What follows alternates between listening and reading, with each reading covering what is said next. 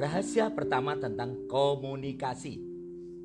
Banyak orang menganggap bahwa komunikasi adalah bagaimana kita berbicara, bagaimana kita menyusun kata-kata, dan bagaimana kita menyampaikan apa yang kita inginkan. Namun sebenarnya, rahasia komunikasi adalah bagaimana Anda bisa dimengerti, bagaimana Anda bisa dipahami, dan bagaimana yang disampaikan benar-benar sampai kepada pihak ketiga.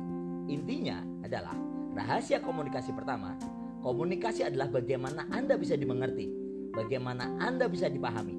Apalah artinya Anda berbicara, Anda berkata, namun tidak dipahami dan tidak bisa dimengerti oleh orang yang ada depan Anda.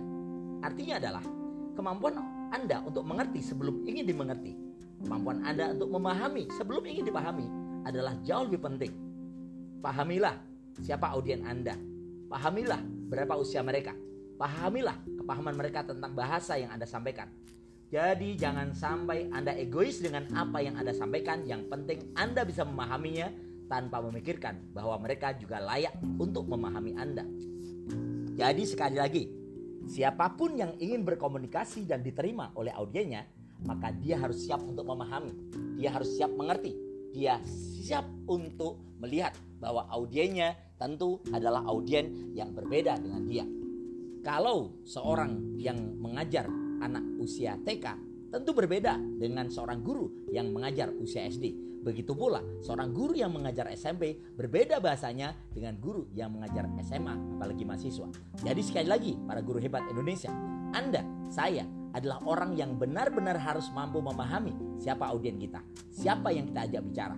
Sebentar lagi Anda akan merasakan keajaiban komunikasi manakala Anda melepaskan ego Anda melepaskan siapa diri Anda yang ingin dipahami, tapi Anda harus mau memahami.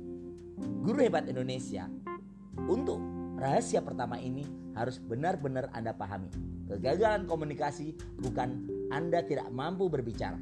Kegagalan komunikasi bukan karena Anda tidak mampu merangkai kata-kata. Kegagalan komunikasi jauh lebih banyak karena Anda tidak bisa dimengerti anda tidak bisa dipahami karena kita tidak memahami dan tidak mengerti audien kita. Selamat menikmati rahasia pertama yaitu pahamilah dan mengertilah maka Anda akan dipahami dan akan dimengerti. Aris Jaya, Abko untuk Anda.